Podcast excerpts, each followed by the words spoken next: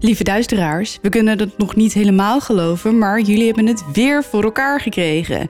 We zijn genomineerd voor een podcast award in de categorie verhalend. En dat was zonder jullie hulp echt nooit gelukt, dus super dank daarvoor. Echt heel erg bedankt. Maar we zijn er nog niet. We gaan nu door naar de volgende fase en dat is het stemmen. En daar hebben we jullie hulp bij nodig. Alleen jullie kunnen ons naar die overwinning helpen. Ga naar podcastawards.nl en stem tussen 20 september en 11 oktober op ons. En help ons naar die allereerste award. Ja, doe het, doe het, doe Alsjeblieft. het. Alsjeblieft. Alsjeblieft. Please. Uren rijdt hij rondjes door de wijk om de man die Heidi zag eens flink de waarheid te vertellen. Maar wederom ziet hij niets vreemds. Voorzichtig draait ze de deurknop om en geeft hem een zetje. De deur opent langzaam en zodra hij helemaal open is, krijgt Lisa weer een hartverzakking. Deze twee vriendinnen behoren tot het populaire clubje van de school. Och jee, gaat dat wel goed dan? Er zijn bijna geen sporen van een worsteling en Marcus en Tiffany zitten nog steeds op de bank, alsof ze nog steeds gewoon naar een film zitten te kijken. Nee, rot luguber.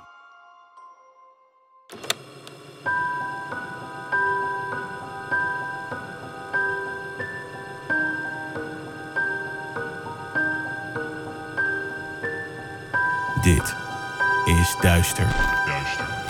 Een podcast waarin je wordt meegenomen naar het onbekende, het onbegrijpelijke. Zwarte bladzijden van de geschiedenis komen voorbij. Hier hoor je de verhalen achter moord, doodslag en onverklaarbare gebeurtenissen. We kruipen in de hoofden van een serie moordenaars, heksen, mythische wezens. Luister. En huiver naar duister. Hoi lieve duisteraars, welkom bij een nieuwe aflevering van Duister de podcast. Hallo, daar zijn we weer. Nou, we zitten in november hè, ondertussen. Ja, half november al bijna. Half november al. Het gaat echt heel hard nu. Ja, het gaat zeker hard. Dit jaar bedoel ik, Ja. 2020. Deze drama, ellende. Het is niet alleen maar drama en ellende. Voor ons, Nee. voor ons, hoe- stom het ook klinkt, maar voor ons Voor ons gaat het eigenlijk best wel oké. best wel oké. Ja, dat klopt. Dat klopt wel, inderdaad. En ik hoop, ik hoop voor, dat iedereen, ondanks dat alles er zo vreselijk aan toe is, toch nog, weet je, de kleine dingen heeft die wel gewoon zorgen dat het nog een beetje leuk blijft. Ja, precies. Dat iedereen toch maar zijn eigen lichtpuntjes heeft. Ja, En familie en vrienden. En nou ja, halleluja, zegt het spook. ja, maar het is wel belangrijk. ja want, want anders, als je dat niet hebt, nee, dat dan is blijft er echt weinig over om. eh, nog vrolijk over te zijn. Ja, Maar goed, dat geldt voor ons niet. We hopen voor jullie ook niet. Nieuwe aflevering vandaag, aflevering 29. De volgende is alweer een special. ja, aflevering 30. Hebben we er al over nagedacht? Het zouden volgens mij drie afleveringen geleden al doen. Maar dat, dat, klopt, is, is niet helemaal nog steeds niet uit. niet Nee. helemaal gelukt. Oké, ehm, ik heb niet zoveel te melden. Hoe gaat het met jou? Alles Ja. goed? Prima. Nou ja, mooi. Hier ook. We, zijn een beetje moe, maar dat, dat, eh, hoort er een beetje bij. We gaan gewoon lekker door. Ja, je zal wel moeten. ja. Ehm, ik ga gewoon beginnen. Ja, het is mijn maar. beurt vandaag en eh, Daarna ben ik. we gaan ervoor. Ja.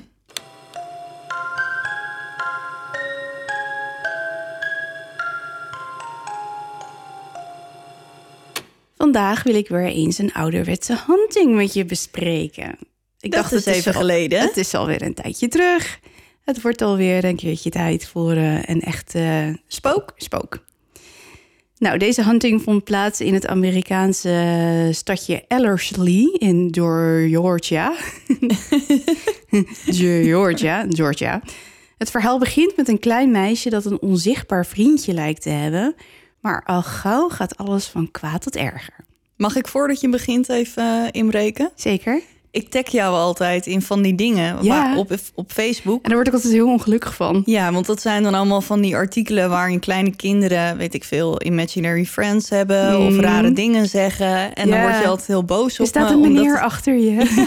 omdat het niet mag. Maar nu ga je dus gewoon zelf een verhaal over Mhm. zo'nzelfde kleine kindje doen Ja, maar nu heb ik het zelf geschreven. Dus dan, eh, ja, hoe zeg je dat? Dan, dan staat het niet zo, dan overkomt het je niet zo.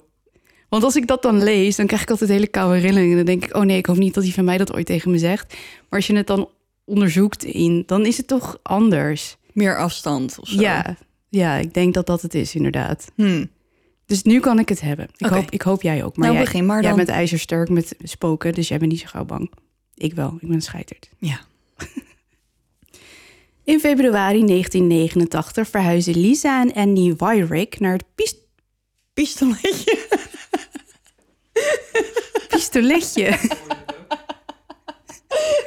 Pittoresk. Pie. Oh jongens, wat een afgang. Hoe kom ik hier nou op? Het staat er ook helemaal niet. Ik heb ook helemaal niks met pistoletjes. Alhoewel. Ik vind ze wel heel lekker. Oké, zal ik gewoon even opnieuw beginnen? Doe maar even.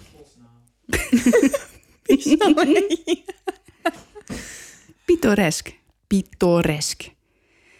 In februari 1989 verhuizen Lisa en Andy Wyrick naar het pittoreske stadje Ellerslie in Georgia, samen met hun vierjarige dochter Heidi. Ze hebben een schattig huisje gekocht met een grote tuin, zodat Heidi genoeg ruimte heeft om veel buiten te kunnen zijn en te spelen. Het huisje is wel in vrij slechte staat, de vorige eigenaren hebben het plots verlaten en de familie heeft het vrij goedkoop kunnen krijgen. En die is van plan het hele huisje grondig te renoveren. Hij is pas 21, maar zijn familie betekent alles voor hem en hij wil hen een fijn thuis geven.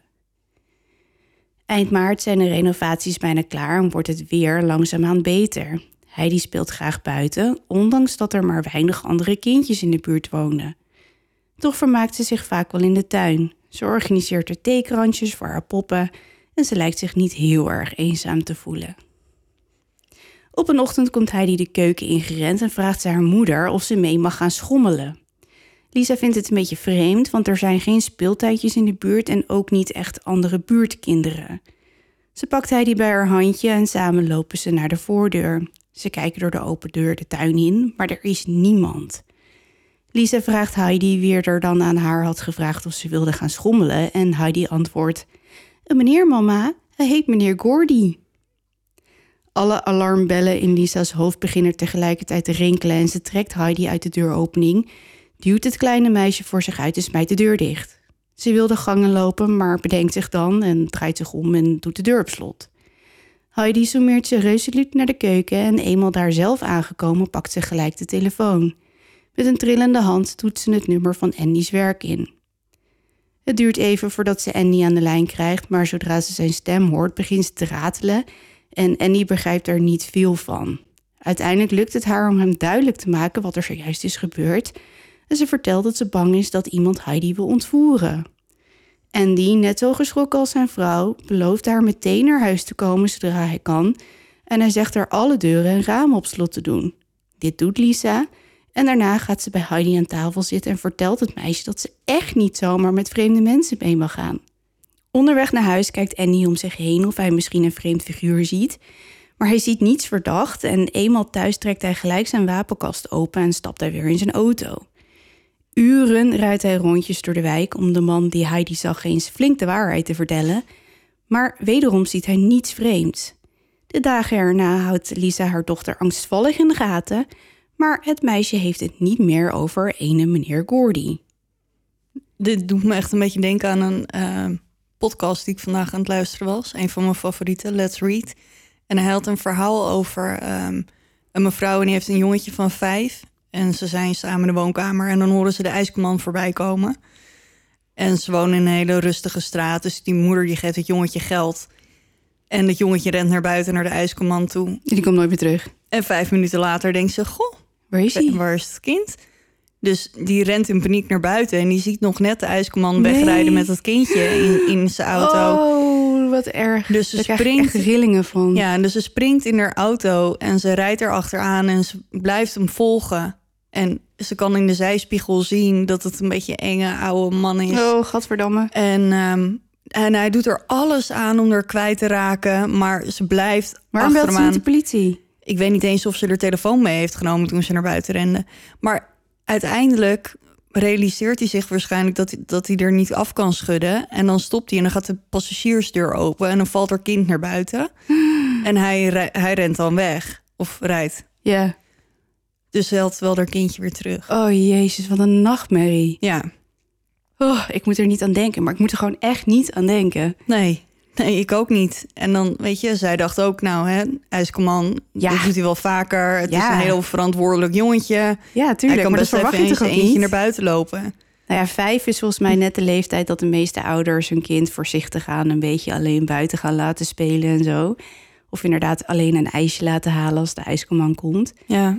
Maar dit verwacht je echt niet gewoon. Nee, nee. En terwijl ze in die auto zitten, ze ziet die man. En dus ze denkt, dat is ook helemaal niet onze ijskomman. Oh, hou maar op. Ik krijg hier Dus die man die heeft gewoon koud van. een of ander afgedankte ijsko-wagen gekocht of zo. En rijdt gewoon een beetje rondjes in de hoop om kinderen. Oh, Sorry jongens voor het zijstraatje, Ja, maar ik ja, nee. in ieder geval Maar deze had je moeten bewaren als een verhaal, joh. Ja, maar dit, dit was het ook. Dus dat Oh. ehm, was wel kort. Maar aanrader en op YouTube, want hij post bijna iedere dag eh, hele lange... Verhalen. Nou, het zijn wel allemaal kortere verhalen, maar vaak zijn ze drie kwartier lang. En één keer in de zoveel tijd, dan heeft hij echt een podcast van drie uur per, per Zo, aflevering. Dat is pittig. Ja, een soort van compilatie van alles wat hij daarvoor heeft gedaan. Eh, let's read. Oké, nou. De meeste kennen hem denk ik ondertussen wel van jouw tips. Maar Ja. Gewoon, Ik doe hem gewoon nog een keer, want Ja, hij joh. verdient echt veel meer eh, volgers. top. Nou, thanks. Ik ga verder, oké? Doe maar. Nou, eh, Heidi heeft het dus niet meer over meneer Gordy. Die is een beetje naar de achtergrond geraakt. En ehm, nou, we zijn een paar weken verder. Totdat een paar weken later Lisa haar dochter in de tuin ziet spelen. Dat is aan zich niet heel gek. Maar wat wel raar is, is dat het meisje in zichzelf lijkt te praten. Lisa loopt naar het raam en hoort haar dochter giebelen en kletsen tegen schijnbaar iemand. Maar die iemand lijkt er helemaal niet te zijn. Verward doet Lisa het raam dicht en laat het erbij. Maar in de dagen die volgen heeft Heidi het weer over meneer Gordy. Dit keer schrikt Lisa minder, want het eerdere gedrag van Heidi zegt haar dat er de eerste keer misschien wel helemaal niemand was geweest die Heidi had willen ontvoeren, maar dat het meisje het wel eens verzonnen zou kunnen hebben. Lisa's nieuwsgierigheid overwint uiteindelijk en ze vraagt haar dochter wie die meneer Gordy dan is. Heidi vertelt haar dat hij een oude meneer is met zilver haar en dat hij een donker pak draagt met mooie glimmende schoenen. Hij duwt haar vaak op de schommel en vraagt haar het met haar gaat en of hij mee mag doen met haar theekransjes. Dat mag van Heidi wel, want ze is soms toch best een beetje alleen zo zonder vriendjes. Lisa's hart breekt als ze haar vierjarige dochter hoort vertellen dat ze soms eenzaam is en besluit dat er dan vast geen kwaad achter schuilt. Als iemand Heidi had willen ontvoeren, dan was dat ondertussen al lang gebeurd. Andy is er echter niet zo gerust op en hij gaat de buurt langs om te vragen of iemand wel eens van ene meneer Gordy heeft gehoord. Weer komt hij met lege handen thuis. Niemand kent een meneer Gordy, niemand heeft een oudere man in de buurt gezien en niemand heeft Heidi zien spelen met iemand anders. Lisa gelooft steeds meer dat meneer Gordy verzonnen is door Heidi om de eenzaamheid op te vullen. Het meisje praat nu dagelijks over hem. Hij bezoekt haar nu ook in het huis en Heidi vraagt haar moeder zelfs of ze tussen de middag extra broodjes voor meneer Gordy wil smeren. De broodjes die Lisa smeert komen telkens onaangeraakt terug en een ongemakkelijk gevoel begint te groeien als ze erachter komt dat Heidi s'avonds ook met meneer Gordy praat, terwijl hij op het randje van haar bed zit vlak voordat ze gaat slapen. Toch kunnen Lisa en Andy niet veel meer doen dan geloven dat meneer Gordy het onzichtbare vriendje van hun dochter is geworden. En nadat de tijd verstrijkt, raken ze eraan gewend. Heidi lijkt zich niet anders of slechter te gedragen. Sterker nog, het praten tegen meneer Gordy doet haar eerder opleven, omdat ze zich minder eenzaam voelt. Maar dan op een middag gaat de deurbel en Heidi opent de voordeur, iets wat ze eigenlijk niet mag van haar vader. Op de kleine veranda staat een man. Hij heeft zijn hand in het verband gewikkeld en hij zit onder het bloed. Heidi schrikt en rent naar de keuken en vertelt aan haar moeder dat er een vreemde bloedende man heeft aangebeld. Lisa schrikt hier zo van dat ze haar dochter in een hoek duwt, een mes uit het messenblok trekt en naar de voordeur rent uit angst dat de bloedende man het huis binnen zal komen. Bij de voordeur is echter niemand en Lisa loopt met het mes voor zich uit de veranda op. Ook daar is niemand en ze loopt door de tuin in. Ineens hoort ze getoeter en verschrikt kijkt ze om. Een buurman van verderop is gestopt met zijn auto en heeft zijn raampje omlaag gedraaid. Hij vraagt haar of alles in orde is en Lisa probeert het mes te verbergen en antwoordt dat er echt geen probleem is. En daarna rent ze op een drafje het huis weer in. Binnen vraagt ze Heidi waarom meneer Gordy onder het bloed zat, maar het meisje schudt hevig haar hoofd en zegt dat het meneer Gordy niet was. Het was Kan die voor de deur had gestaan. Als Lisa vraagt wie Kan dan is, krijgt ze geen duidelijk antwoord van haar dochter. S'avonds vertelt ze aan Andy wat er die middag gebeurd is en ze komen tot de conclusie dat Heidi een soort van mix-up heeft gemaakt en dat meneer Gordy en Kan dan dezelfde persoon moeten zijn. Weer gaat er een tijd voorbij en weer laten Lisa en Andy hun zorg om hun dochter steeds meer links liggen. Totdat Heidi iets angstaanjagends overkomt. Het meisje is aan het spelen in de woonkamer als ze het ineens heel erg koud krijgt. Ze wil opstaan en naar haar moeder rennen, maar het is zo koud dat ze niet kan bewegen. Haar adem vormt ijswolkjes en ze begint te rillen. Dan vanuit het niets verschijnt er een donkere schaduw in de deuropening. Het kleine hartje van Heidi vliegt op hol als de schaduw steeds dichter bij haar komt. Ze kan geen gezicht zien, maar het meisje voelt aan alles dat dit ding geen goede bedoelingen heeft, zoals meneer Gordy. De schaduw stopt vlak voor haar en buigt zich naar voren tot het vormeloze gezicht zich vlak voor het haren bevindt. Heidi doet het enige wat ze kan bedenken. Ze knijpt haar ogen dicht. Na een tijdje, als ze haar ogen weer open durft te doen, is de donkere schaduw verdwenen. Ze vertelt haar moeder later wat er die dag gebeurd is en Lisa weet niet wat ze met haar bange dochter aan moet. Het enige wat ze kan doen is keer op keer vertellen dat er geen enge man in huis is en dat niemand haar pijn zal doen.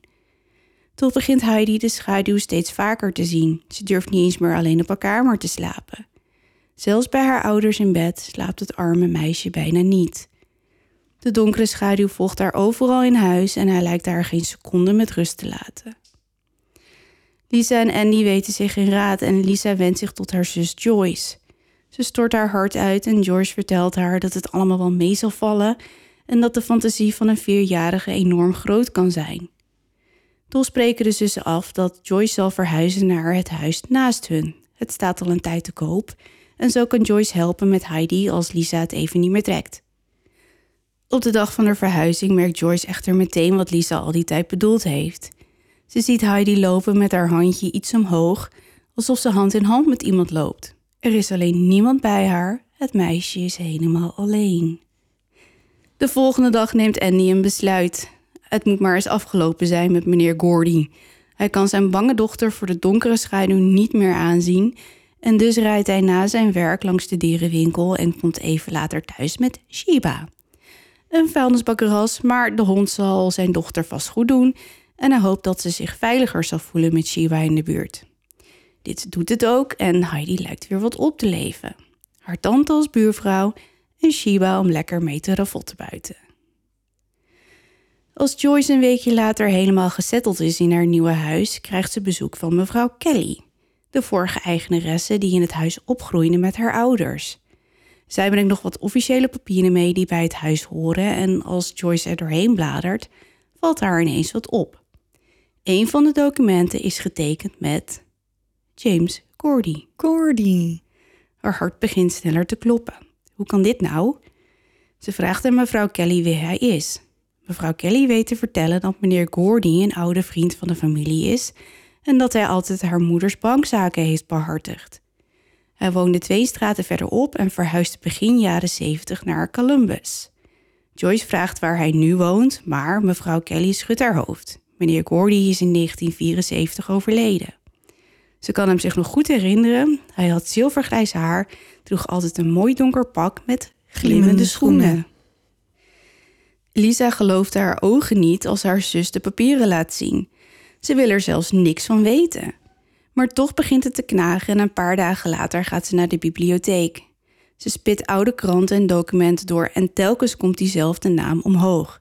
James Gordy, James Gordy, James Gordy. James Gordy. Hij ligt zelfs begraven hier in een eigen stadje.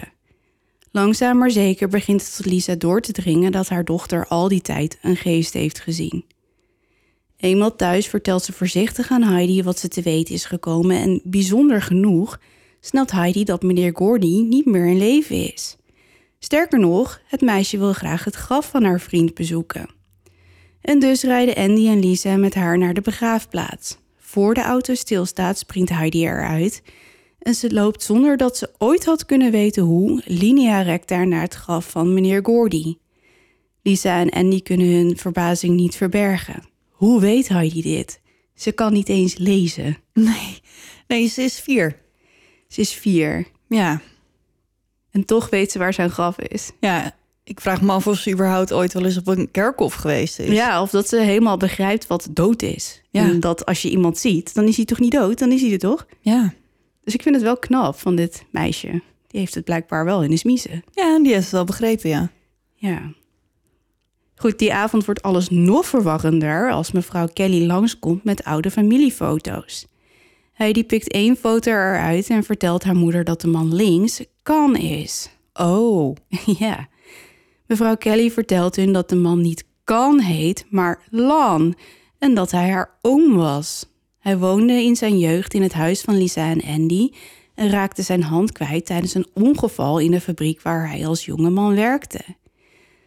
Lisa begint nu steeds meer te geloven dat haar jonge dochter echt geesten ziet. Ja, het wordt nu wel één kan nog, als je misschien ooit een keer de naam hebt opgevangen, maar twee... Of dat je denkt, oh, ik weet ongeveer wat geest is, ik ben vier en ik doe dit, maar nee.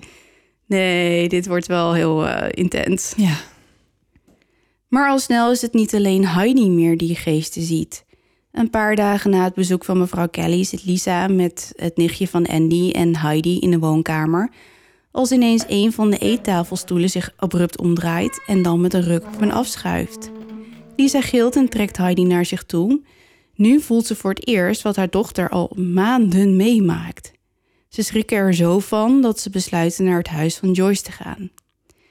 S'avonds zit Lisa met het nichtje van Andy nog aan een wijntje als Shiba ineens begint te grommen naar iets. Het grommen slaat om naar wild blaffen en de haren van de hond staan recht overeind. Hij heeft zijn tanden ontbloot en lijkt buiten zichzelf. Als Lisa de hond naar buiten doet om hem af te laten koelen, schiet de halsband uit haar handen en Shiba rent de donkere nacht in. Dagenlang zoeken ze naar hem, maar de hond komt niet meer terug. Die is dus zo hard geschrokken van iets. Ja, en die is gewoon weggerend. Die dacht, en die, ik ga hier weg en ik kom niet meer terug. Ja. Dus die hond is echt pleiten. Super kut overigens. ja, dat is echt heel erg. Ja. Ook ziet Heidi de donkere schaduw weer. Hij stalkt haar nu nacht naar nacht waarin hij het kleine meisje terroriseert...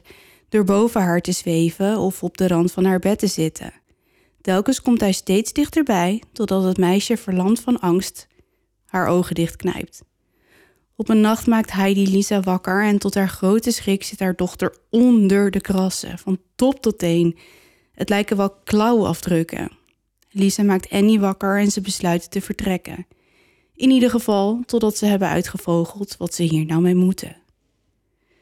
Toch keert de familie een paar dagen later terug naar huis, maar de situatie gaat van kwaad tot erger. Ook Andy wordt nu s'nachts wakker met enorme klauwafdrukken over zijn hele lichaam. Dan denk ik, word je daar niet wakker van? Nee, Mer- blijkbaar niet. merk je dat dan niet? Blijkbaar niet. Ik denk dat het gewoon de volgende dag gewoon brandt. Gewoon als een soort van schaafwond. Maar dat je op het moment dat het gebeurt... Nou, hij heeft het dus vier nachten op rij. Dat hij wakker wordt met helemaal kras over zijn hele lijf. Maar als het je nou één nacht overkomt, dan kan ik toch me voorstellen dat je denkt: wow, wat is dit? En eh, vet raar, oké. Maar na twee nachten denk je toch: wat, wat, wat is hier in godesnaam aan de hand? Ja, dat sowieso. Toch? Maar hij dus blijkbaar niet. Oh, daar ging Emily. Ja. Maar goed, en die dwingt Lisa in te zien dat ze hier niet langer kunnen blijven. Dat dan weer wel.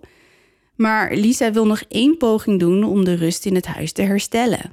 Ze belt dokter William Roll, een parapsycholoog met ervaring met paranormale zaken. En hij stemt toe om het huis te komen onderzoeken. Maar eerst wil hij Heidi spreken. Hij wil zien hoe consistent haar verhalen zijn. Maar keer op keer vertelt Heidi hetzelfde verhaal zonder grote veranderingen. Best knap voor een meisje van vier. Om gewoon iedere keer hetzelfde verhaal Ja, ja, eh, te ja. vertellen. Ja, je, je keek zo glazig. Nee, ik zat gewoon... Ik zat in het verhaal. Nou, dan ga ik gewoon verder. Ja. Dr. Roll denkt dat Heidi misschien misplaatste herinneringen heeft. En let op, dit is een parapsycholoog. Hè? Mhm. Hij gelooft dat alles op aarde een soort geheugen van energieën bevat. Het zou kunnen zijn dat Heidi extra gevoelig is voor zulke energieën en dat ze beelden doorkrijgt van wat er zich allemaal heeft afgespeeld in en rondom het huis van de familie, ook al is dat jaren geleden, en dat ze op deze manier meneer Gordy en kan gereconstrueerd heeft in haar hoofd. Bijzonder. Snap je het nog? Ja. Dus alles is een, heeft een geheugen en herinnering. En dat meisje En is zo gevoelig daarvoor. zo. Ja. Dat ze in haar hoofd gewoon die twee personages Als een heeft soort van film voorbij ziet trekken aan de hand van herinneringen. Oké. Ja. Dr. Rolf voert hierna tests uit om te zien of Heidi's herinneringen veroorzaakt worden door inderdaad een volgens hem natuurlijk fenomeen. Met een speciaal apparaat meet hij de magnetische velden in en rondom het huis. Magnetische velden kunnen in hevigheid variëren. Dit wordt veroorzaakt door verschuivingen onder het aardoppervlak en staan erom bekend dat ze de rechtertemporale kwap van de hersenen kunnen beïnvloeden en daardoor hallucinaties kunnen veroorzaken. Volg je het nog? Ja. ja, dus, goed dus verhaal, aardverschuivingen die Onder de aarde. ja, en dat eh, beïnvloedt dan het magnetische veld. En als dat dan heel heftig wordt, dan gaan je hersenen, die krijgen zo'n storing. Zo, zzz. en dan krijg jij dus hallucinaties. Mhm. Mhm. Misschien moeten ze dan eh, van de Queen Mary een, eh een day, demagnetizer lenen. Demagnetiseringspoel. We kregen een hele leuke comment daarover. Ja. dat was wel grappig, ik moest wel lachen. Dus dank daarvoor nog.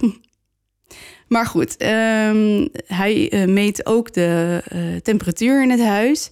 Dit omdat Heidi telkens een enorme temperatuurdip ervaart als ze de donkere schaduw ziet. Ja, want het verandert haar eh, adem ook in ijswolkjes, omdat het, daar gaat Emily, omdat het echt heel erg koud wordt. Maar het huis heeft een constante temperatuur van 18 graden en er zijn meerdere metingen geweest, dus daar varieert het verder niet in. In ieder geval niet heel erg naar beneden. Nee. Dr. Roll komt tot de conclusie dat Heidi niks anders dan hallucinaties ervaart, veroorzaakt door magnetische en seismische schommelingen onder het huis. Hij laat de familie dan ook redelijk gerustgesteld achter. Alles wat ze hebben meegemaakt was niet echt. Ik zou toch een beetje mijn twijfels hebben als iemand me dat vertelt. Ik ook, maar ja, de man is parapsycholoog en hij zal er wel voor gestudeerd hebben, toch? Zou ik ja, dan denken. maar ja, er zijn tegenwoordig ook huisartsen die gewoon een medische opleiding hebben en die verklaren dat corona onzin is. Dus wat dat betreft, hè, kan je niet iedereen zomaar geloven. Nee, maar dat is hopelijk toch wel de uitzondering op de regel, toch? Ehm, Hoop ik echt heel erg. ja, maar ja, ja, weet ik eigenlijk niet. Maar er is in ieder geval één ehm, die dus gewoon echt huisarts is, maar die alle Maar ben je dan niet antroposofisch huisarts of zo? Dat je dan wel de medische basiskennis hebt genoten, maar dan de natuur eh, nee, eh, zij doet hoger in het, zij vaandel doet- zitten, in het vaandel hebt zitten dan... ehm, Nee, ze doet helemaal niet aan medicijnen. nee, oh. En ehm, ze doet wel heel erg eh, niet in corona geloven. oh, god, oh god. Nou, ik ben heel blij en- dat het en niet mijn huisarts ook is. ergens echt heel erg in olie. Je weet wel, van die MLM-schema's. Oh ja. Oh ja, nou dat zeg ik. Ik ben Ja. heel blij dat het niet mijn huisarts is. Goed, Lisa raakt opnieuw zwanger en de familie verwelkomt een tweede dochter, genaamd Jordan. Heidi raakt steeds meer gewend aan de hallucinaties die haar nog steeds achtervolgen. Maar alleen in het huis zijn durft ze niet. Gek hè, want je kan wel denken dat het hallucinaties zijn, maar als het dat niet is, dan ben je natuurlijk nog steeds even bang, lijkt mij en, dan. Maar ook al zijn het wel hallucinaties, voor haar is het echt. Ja, Dus of het nou wel of niet, voor haar is het levensecht. Op Ja, welke precies. manier dan ook. Dus zij is gewoon altijd bang. Ja, dat klopt. Dat klopt. Maar ik, ik denk dat je dat misschien niet genoeg realiseert. Dat een hallucinatie natuurlijk net zoals slaapverlamming... dat kan dood en doodeng zijn. Ja.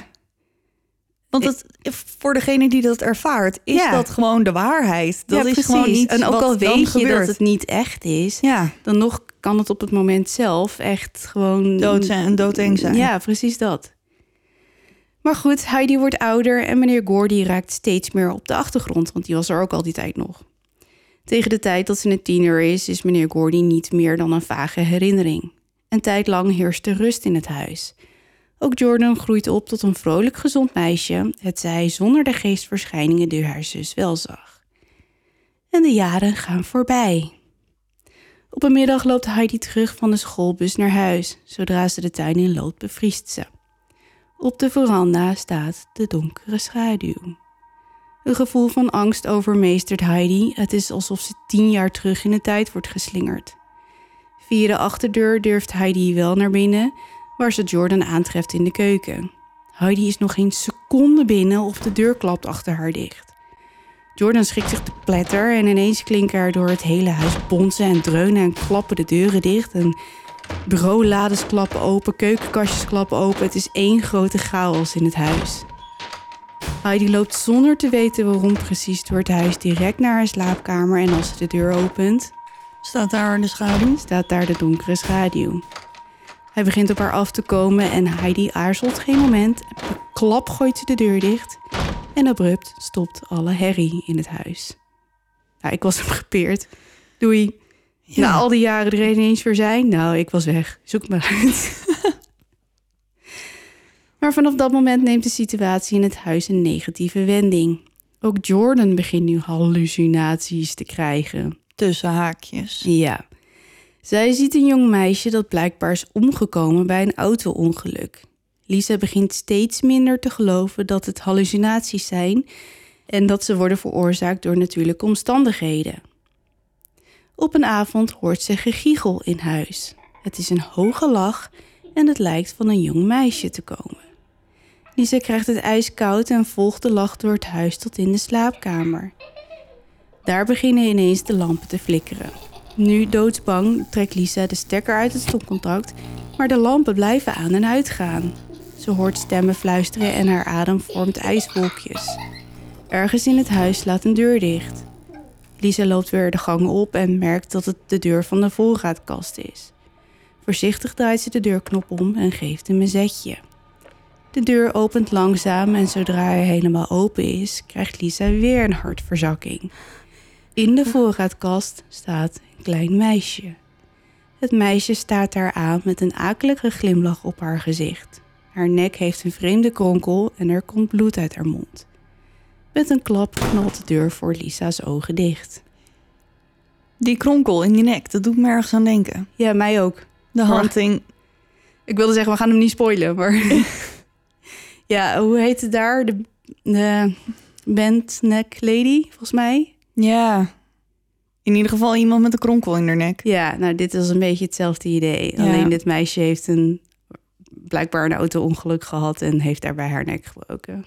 Mm, ik hou nooit zo van eh, kleine meisjes. Ik ook niet. Dat komt door Zack. Omdat ja, want die van zegt alles altijd, een demon maakt. Ja, die zegt altijd dat, dat demonen zich voordoen als kleine meisjes. Ja, zodat je ze vertrouwt en Ja, ze niet zo erg eng vindt. En dan blijken het allemaal demonen te zijn. Ja. Maar zij komt wel echt heel veel demonen tegen. Ja, klopt. Dus ehm, ik heb bij kleine meisjes wel een beetje mijn twijfels altijd. Maar er zijn natuurlijk ook gewoon goede kleine meisjes spoken. Eh, ja, maar zelfs kleine meisjes goede spoken hoeft niet per se... eh. Nee, nee, nee, nee, nee. Jordan, Heidi en Lisa beginnen nu met regelmaat het kleine meisje te zien. Maar ook horen ze een oudere vrouw lachen en de donkere schaduw lijkt er weer altijd te zijn. Die ziet niks, maar voelt wel degelijk aanwezigheid in het huis. Het laat hem ongemakkelijk voelen en hij vreest voor zijn vrouw en dochters. Nogmaals belt hij Dr. Roll en vraagt hem weer langs te komen, zeker nu Jordan en Lisa verschijningen zien. Dr. Roll besluit er dit keer een medium bij te laten komen. En nu mag jij raden welk medium. Char. Nee. Was het... ehm, God, heet ze? Nee, je gaat hem niet raden, denk ik. Het is Amy Allen van de Dead Files. Ja, hoezo zou ik dat niet raden? Ja, weet ik veel. Dat dacht ik. Ik Maar goed. hart je, Amy. Wat? Ik vind Amy leuk. Ja, ik ook, maar goed. Zij is zelf nog maar een broekie op dat moment. We hebben het eh, over eh, de jaren negentig. Eh, zij doet haar ronde door het huis en komt ook de donkere schaduw tegen. En zij doet altijd zo'n verslag met een cameraman door het huis. En dan Ja. beschrijft ze alles wat ze voelt en ziet. En dan later geeft ze dat verslag aan de bewoners en dan gaat ze vertellen wat ze ervaren Ja. heeft. Dat doet ze nu dus ook. Maar volgens Amy is de donkere schaduw een samensmelting van twee oudere mannen en een jongere man zonder gezicht. Dus dat zou wel verklaren waardoor Waarom Heidi... een vormeloos gezicht ziet. Ja, precies. Maar ze weet niet of het nou demonen zijn... of een soort van samensmelting van drie overleden personen. Die samen meer energie kunnen opwekken. Ja, precies. Ze denkt dat de donkere schaduw zich aan de familie heeft verbonden... omdat Heidi, Lisa en Jordan alle drie mediums zijn... en dat de schaduw zich tot hen voelt aangetrokken. Amy stelt voor dat het beter is om te leren leven met de gaven van de vrouwen... dan de geesten uit te bannen. Want ze denkt... Daar valt wel wat voor te zeggen. Ja, want als hij toch blijft, omdat zij die gaven hebben... dan Kan je maar beter zo op je Ja. gemak mogelijk zijn in je eigen huis. Want wie weet wat er daarna nog binnenkomt lopen als je... Ja, precies. Als je, die, als je toch al medium hebben, bent, ja. ja. dan kan je het ook niet meer stoppen. Want nee. ik bedoel, volgens mij vertelt ze dat ook wel een keer in de aflevering van de Dead Falls Amy. Dat als je het eenmaal hebt, dan kan je het ook niet meer afsluiten. Dan, Nee, dan, daar moet je dan echt voor leren om je daarvoor af te sluiten. Ja. En gewoon op het moment dat je zegt... oké jongens, nu sta ik open voor, voor Alles. jullie. Kom dan nu maar binnen. Maar Ja. als ik zo meteen hier de deur uitloop, dan is het afgelopen. Precies dat. En dan moeten jullie gewoon hier blijven. En dan ga ik naar huis. En dan ga ik zonder spoken even Chillen. tv kijken. Ja, precies dat. Lisa echter gelooft dat de donkere schaduw demonisch is en laat er een ander medium komen. Hij claimt geesten te kunnen voelen, maar hij kan ze niet zien. Terwijl hij zijn ronde door het huis maakt, begint hij steeds meer te beven en te stotteren. Hoe dichter ze bij de slaapkamers komen, hoe erger het wordt. Hij voelt wel degelijk een demonische aanwezigheid. Sterker nog, de man wordt zo bang dat hij zijn jas pakt, Lisa haastig bedankt en het huis verlaat.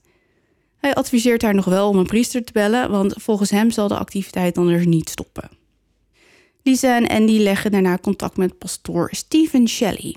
In tegenstelling tot Dr. Roll en Amy Allen gelooft pastoor Shelley meteen dat er een demon in het huis is. Natuurlijk. Hij is christelijk en zijn geloof in God is behoorlijk sterk. Voor hem bestaat er alleen goed of kwaad.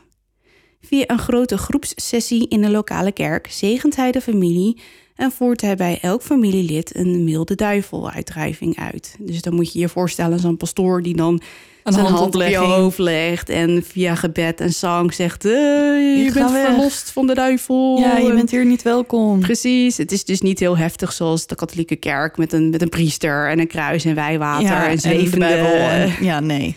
Nee, maar eh, je, je weet wel een beetje hoe dat gaat. Sommige mensen in de kerk beginnen dan te trillen of te huilen of ze raken in Ja. trance of nou ja, dat. En dan, nou, Gaat het beter. dan gaat het beter. Of ze kunnen ineens weer lopen, weet je wel. Mhm. Als de familie weer thuis is die avond, lijkt het stil te blijven in het huis. Er zijn geen verschijningen en iedereen voelt zich kalm. En zo blijft het weken. Lisa is van plan om zich niet te laten kisten en weigert om het huis te koop te zetten. Ze blijven de sessies bij pastoor Shelley volgen en hopen dat ze dan met rust gelaten worden. Lisa en Heidi zijn er nog steeds van overtuigd dat de donkere schaduw een demonische entiteit is en reinigen het huis regelmatig met gebeden. En nu, net zoals vele andere verhalen, er is niet echt een eindconclusie. Is dit het? Dit is het, want Heidi wordt groter. Ze is nu achter in de dertig, getrouwd en ze woont met haar man en kinderen in Columbus. Dat is blijkbaar niet heel ver van eh, dat stadje. En ze gaat nog heel vaak naar de kerk om zich te laten zegenen. En ze zeggen dat ze langzaam leert leven met haar gaven. Want het was natuurlijk, ze zijn heel erg gelovig. Mhm. Dus als eh pastoor Shelley zegt, ja, maar je hebt goed en je hebt kwaad. En wat jij hebt, ja, dat is eh, niet per se heel goed. Ja, Ja, dan moet je daar maar mee leren leven. Maar in, zelfs in haar nieuwe huis is die donkere schaduw haar dus gevolgd. Dat, dat ding zit dus gewoon aan haar aan vast. haar vast. Hmm. En het gekke is, als je dat, dat ehm, eerste gedeelte van dat ze zo klein is weggelaten zou hebben, dan zou toen hij terugkwam mijn eerste gedachte poltergeist geweest zijn. Omdat dat is vaak rond de puberteit, bla bla bla, bla. Maar het begon al toen ze vier was. En vaak is poltergeist begint gewoon aan het begin van de puberteit. Als hormonen... We weten het, problemen met eigen seksualiteit en ontwikkeling. Ontwikkeling, opgroeien, Ja, hormonen. onzekerheid, inderdaad hormonen. Dus dat, maar dat is niet zo. Nee. Ik denk dat het, het is misschien niet het allerspannendste verhaal dat ik ooit heb verteld. Maar dit meisje is dus blijkbaar echt gewoon vanaf kind af aan al een medium. Ja. En dit is hoe ze is opgegroeid. Maar het met af en toe behoorlijk angstige momenten. Ja. Maar zij zal dus echt moeten leren leven met het feit dat ze geesten ziet. En dat ze haar dus achtervolgen haar hele leven. Maar Jordan ziet ze dus ook. En Lisa ziet ze nu ook. dus ja, iedereen het heeft wel een soort van... sneeuwbaleffect. En Jordan is dus ook verhuisd. Die woont er dus nu twee straten verderop. Maar die heeft ook in haar eigen huis eh, geestverschijningen. Maar dus de hele ik- familie die zit er dus nu mee. Maar ik zou dan toch gewoon Amy's advies aannemen en gewoon proberen om mezelf daar Voor af te leren voor sluiten. af te leren sluiten. En misschien dan ook nog wel naar de kerk gaan. Ja, ja. Maar dat je gewoon, weet je, het kan ook naast elkaar bestaan. Nou ja, als je het ehm, niet meer zo je leven laat overheersen... en helemaal die hele enge, die donkere schaduw... ja want dat is vaak natuurlijk ook zo. Vaak nare entiteiten voeden zich vaak ook aan negatieve energie. Zeker. Dus hoe banger je wordt, hoe meer Sterker dat energie... ding wordt. Ja, Ja, dat klopt. Jeetje. Dus ja, sorry voor het, eh het, het eh, einde. Ja, het spijt me. Maar ik dacht, dit soort verhalen moeten ook verteld worden. Want Ja, tuurlijk. Want, eh, maar het, het is op zich wel gewoon een goed verhaal. Maar jij hebt altijd commentaar op mij. Als ik dan met een mysterie zonder einde kom. Ja, nou ja, zo werkt het dus, Daphne. ja, sorry. Nou, maar ik vond het wel heel interessant, omdat zij dus... Ja, meneer Gordy is natuurlijk best wel apart. Ja, maar dat In- klinkt gewoon als een gezellige opa... die gewoon in de buurt, zeg maar, komt en... gewoon bij zijn kleindochter een soort van... weet je, gewoon opa-dingen doet. Theekransjes, voorlezen, bed, Schommelen. schommelen, wandelen. Ja, ik denk dat als Heidi had mogen kiezen... dat ze liever de hele leven meneer Gordy eh, aan haar zijde had gehad... dan de donkere schaduw. Want meneer Ja. Gordy is dus in haar tienerjaren helemaal... Verdwenen. een soort van verdwenen. Ja, je vraagt je dan ook af of, of hij misschien door de negatieve entiteit soort van verdrongen is Ja, dat weet je niet. uit dat huis. je hoort natuurlijk ook wel vaak dat jonge kinderen geesten zien... en dat ze dan ouder worden, dan zien ze het niet meer. ja, Omdat ze er dan overheen groeien. Ja, of die fantasie die wordt Minder in- heftig. Ja, Nou ja, dat dus. Dat was mijn kant van, van deze aflevering. Van deze podcast? Van deze podcast. Maar hey, voordat we verder gaan met jouw verhaal... ja, willen we graag nog iets aan je vertellen. Ja, want we willen je graag wijzen op de korting die we mogen geven op alle boxen en dossiers van Creamybox. Alweer. Alweer? Ja, daar zijn we heel blij mee. En eh, de feestdagen komen eraan. En we weten natuurlijk nog niet helemaal zeker of we dat heel groot met de familie mogen vieren. Met al je vrienden bedoel ik. En, nou ja, Met grote eh, gezelschappen. Grote gezelschappen, dankjewel Kim. Maar dit kun je natuurlijk uitermate goed spelen met je gezin. Ja, of gewoon met z'n tweeën, desnoods alleen. Je met bent je partner. ja, of met de vrienden die je dan wel ziet misschien.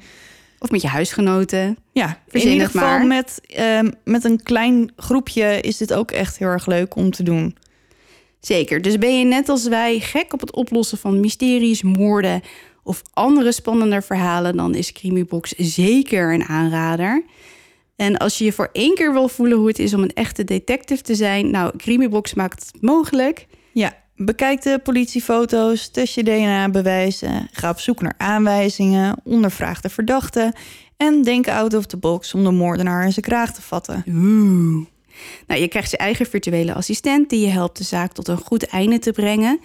We mogen 20% korting geven met de code DUISTER op alle dossiers en boxen van Creamybox. En geloof ons, het is echt heel erg cool. Ja. Het is echt heel erg leuk. Weet je, en de, de dagen worden korter, de Nachten worden langer. Dus perfect om met een kaarsje aan gewoon een moord op te lossen. Ja, man. Toch? We hoeven niet meer naar buiten, we hoeven niet meer op de terrassen te zitten. Daphne en ik Nee. zijn hartstikke gelukkig. Dus wij gaan zeker ehm, nog een keer iets van Creamy Box spelen. Ik weet nog niet wat, want wij hebben dossier As natuurlijk al gedaan. En ik heb Mhm. zelf met Maar ze zijn met wat nieuws bezig. En er komt wat nieuws aan. Ik weet nog niet wat. Ik nee, weet maar dat wordt ze- vast heel tof. Ja, dus wil je een box of dossier bestellen om deze lange dagen door te komen... of als Sinterklaas of kerstcadeautje, gebruik dan onze code DUISTER. voor 20% korting. Dus ga naar creamybox.com, kies een box of dossier uit, eerst even afrekenen en daarna kun je de code toevoegen. En dan wordt het van je bedrag afgetrokken en dan eh, kun je de code gebruiken. Dus heel veel plezier daarmee. En nu ben jij aan de beurt. Ik ben aan de beurt. Ik ga beginnen.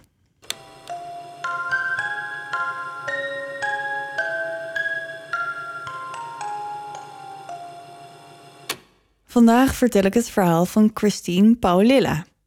Nooit veel gehoord. Dat is maar goed ook. Mag ik wat aan je vragen? Mm, ja. Wanneer komt nou Jack the Ripper? Ik wil echt zo graag Jack the Ripper horen, maar je komt maar niet. Iedere week denk ik, vandaag ga ik het hebben over Jack the Ripper. En dan Nee. weer niet. Ja, jongens, ik, ik ben ermee bezig. Maar het is Echt? echt, een lang, lang, lang verhaal. Dat geeft niet. En mijn lijst, ik krijg, ik heb zelf al een enorme lijst met dingen die, ik- onderwerpen die ik wil behandelen. En dan krijgen we ook nog eens een keer heel veel Ja, maar tips van deze wordt echt heel vaak aangevraagd. Dat moet je toegeven. Dat is waar. Maar misschien heb ik daarvoor nog wel een ander verhaal dat er dan misschien weer wat mee te maken heeft.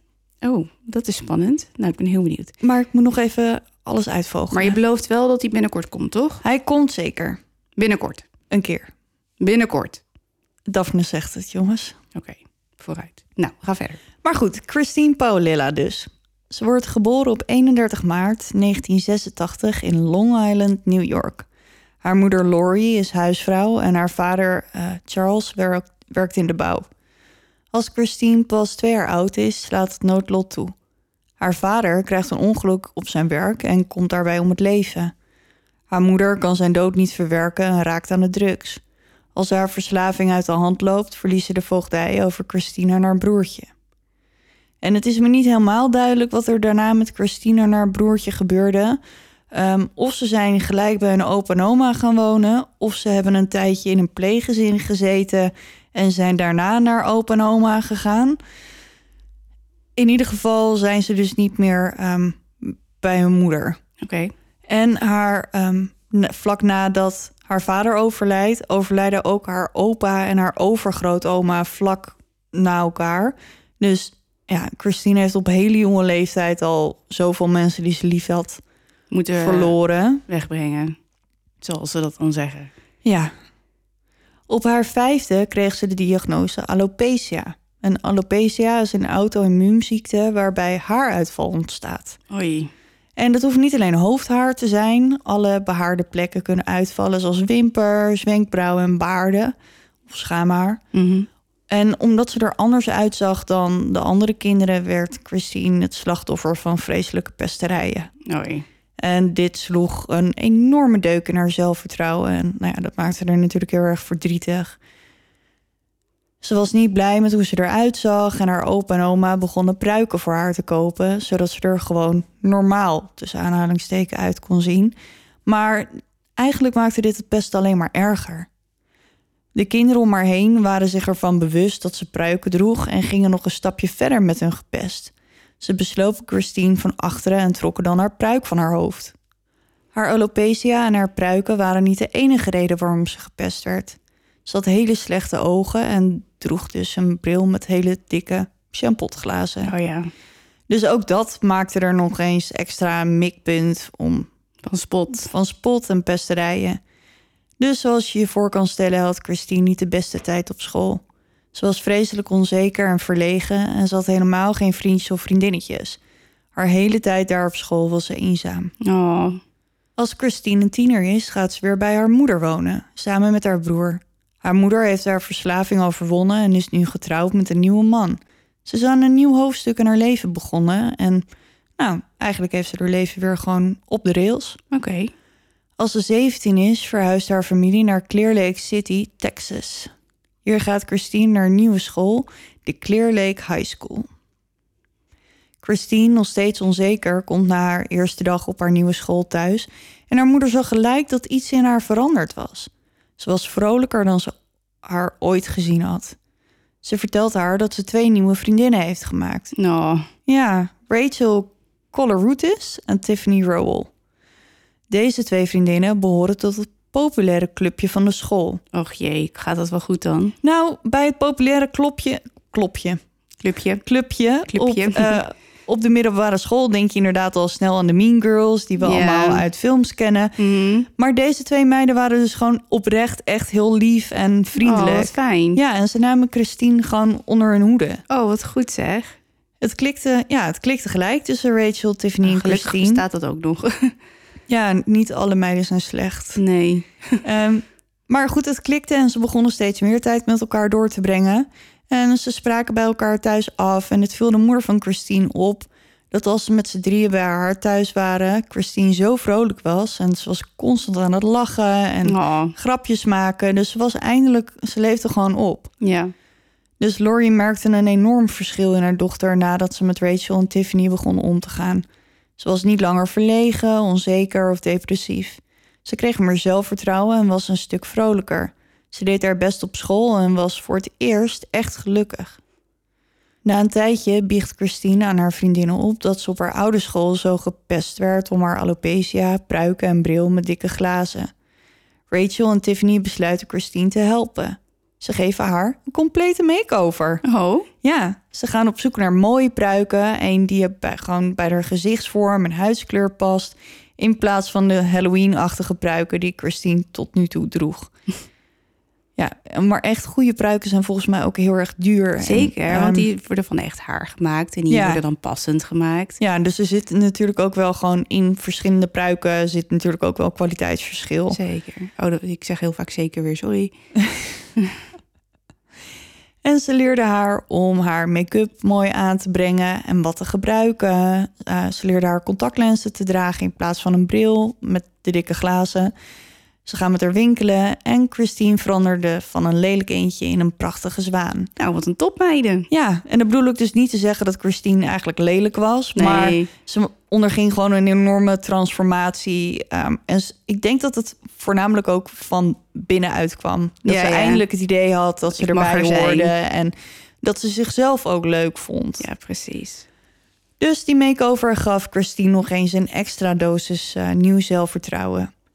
Ze was een compleet nieuwe vrouw en dat was iedereen opgevallen. In 2003 wordt Christine op school uitgeroepen tot Miss Irresistible. Oh, Oftewel, mevrouw onweerstaanbaar. wat goed. Ja, en rond die tijd ontmoet Christine de 21-jarige Chris Snyder en ze beginnen te daten. Al snel krijgen ze een relatie. En Christine is dan 17 jaar oud. Oké. En Chris is 21. 21. Vier jaar verschil. Nou, Ja. Ze is nog wel een minderjarig, maar goed, een jongen van de 21 is natuurlijk niet heel erg. Volwassen. Oké, niet. Ik wil ik niet zeggen dat alle 21-jarige jongens niet volwassen zijn. Nee, maar, Maar- het is redelijk... Ik denk helemaal hier een redelijk normaal uh, Ja, joh, dat kan prima. Maar de ouders van Christine waren niet echt fan van hem. En niet per se omdat hij een stuk ouder was, maar omdat hij een strafblad had en drugs gebruikte. Zijn strafblad bestond vooral uit kleine geweldsdelicten. Rachel en Tiffany waren ook niet echt weg van hem, zoals je wel kan begrijpen. Mm. Niemand van hun groepje had ooit drugs gebruikt en ze vonden het dan ook maar niets dat Christine ineens met hem begon om te gaan. Terwijl haar moeder zo'n zwaar drugsverleden heeft. Ja, Dan zou je toch denken dat je een enorme afkeer van drugs hebt? Ja, ja. Het, het- volgens mij kan het echt twee kanten op. Of het zit een soort van in de familie, Oh ja. of je Net hebt er zoals dat- inderdaad een... Dat je ouders vroeger rookten en dat je dan zei... "Nee, je pap, je mag niet roken. Ja. En dan dat je later zelf gaat roken. Of je denkt nu nog steeds echt... Eeuw, ik ga echt Ja. niet roken. Weet ja, je, dat idee. zoiets, ja. Het duurde niet lang voordat Christine ook begon te experimenteren met drugs... en ze begon zichzelf te distancieren van haar vrienden en familie. Het was niet helemaal duidelijk of ze dat deed omdat het van Chris moest... of dat het uit eigen beweging was. Maar haar vriendinnen begonnen haar steeds minder te zien. Volgens Laurie, de moeder van Christine... was de relatie tussen Chris en Christine... wederzijds gewelddadig en problematisch... Chris en Christine hadden regelmatig heftige ruzies. En na een van die ruzies, eh, die heel heftig was, Mhm. bracht ze de nacht door in de voortuin van zijn huis. Daar woonde hij met zijn familie. En ze dreigde de hele familie van Chris te vermoorden als hij haar zou dwingen weg te gaan. Of als hij de politie zou bellen. En Wat deed ze in die voortuin dan? Ja, zitten. De hele nacht? Ja, en schreeuwen. Oh, En slapen. oké.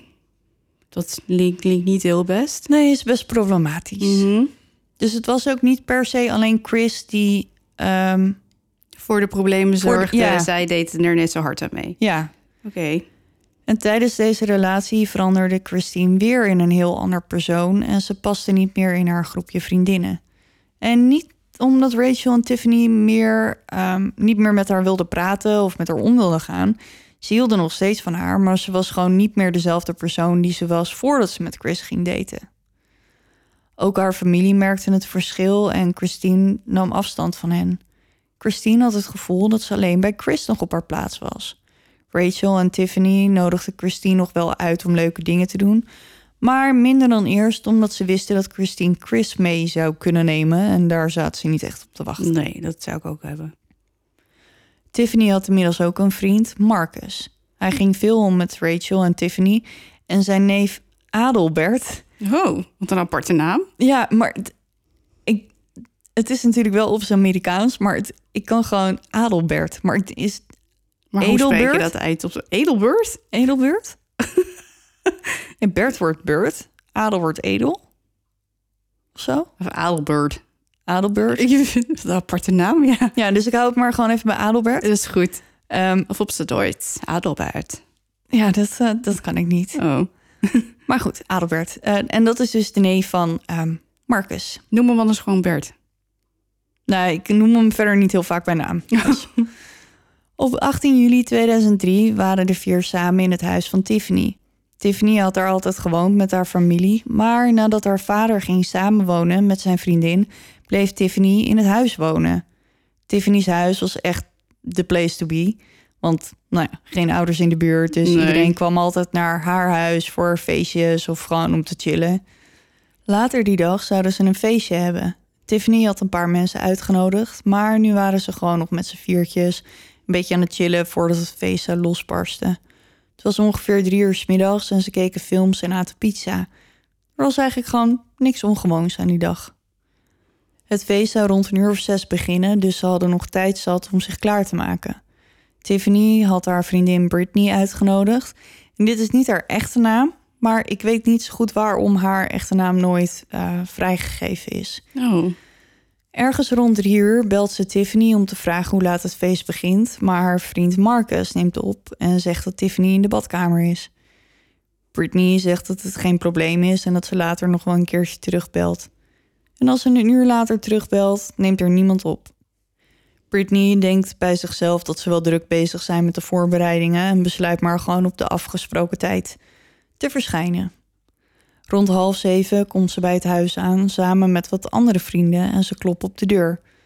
Maar er doet niemand open. En ze blijven kloppen, want ze hebben tenslotte afgesproken. Dus Hmm, er zou een feestje zijn. ja, dus er zou iemand moeten zijn. En binnen horen ze het geluid van de tv.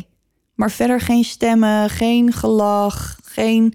Weet je, oh, grapje, we, doen, we zijn er wel, maar we doen de deur niet open. Gewoon Een beetje zoals we komen terug van schoolreisje en we hebben Ja. ons verstopt in de bus. Zoiets, ja. Maar helemaal niks. Alleen het geluid van de tv is te horen. Uiteindelijk besluiten ze maar gewoon de deur te proberen en die gaat zonder problemen open. Ze lopen naar binnen en daar vinden ze de lichamen van hun vier vrienden. Het lijkt alsof ze allemaal zijn neergeschoten en er zit werkelijk overal bloed. Jeetje, mine.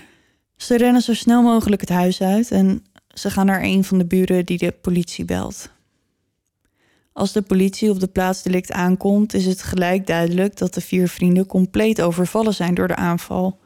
Er zijn bijna geen sporen van een worsteling en Marcus en Tiffany zitten nog steeds op de bank, alsof ze nog steeds gewoon naar een film zitten te kijken. Nee, rot liguber. Ja, en Adelbert werd voor de bank gevonden waar hij op de grond lag. Het leek erop dat alleen Rachel had bewogen tijdens de aanval. Zij werd achter de bank gevonden en er was een bloedspoor te zien vanaf de plek waar ze eh, voor het eerst aangevallen werd. Naast haar lag een telefoon. Als de politie de telefoon beter bekijkt, zien ze dat ze de 9 ingetoetst had. Alsof ze had geprobeerd om 911. 911 te bellen voordat Ja. ze vermoord werd. Dus dan heeft zij wel degelijk... Zij heeft echt geleden. Ja. En nog een tijdje geleefd. Tussen, Oh nee, ook nog. ja, in ieder geval vanaf het moment... Ze heeft zichzelf, ze is ergens neergeschoten. En toen is ze gaan kruipen. Och, jezus.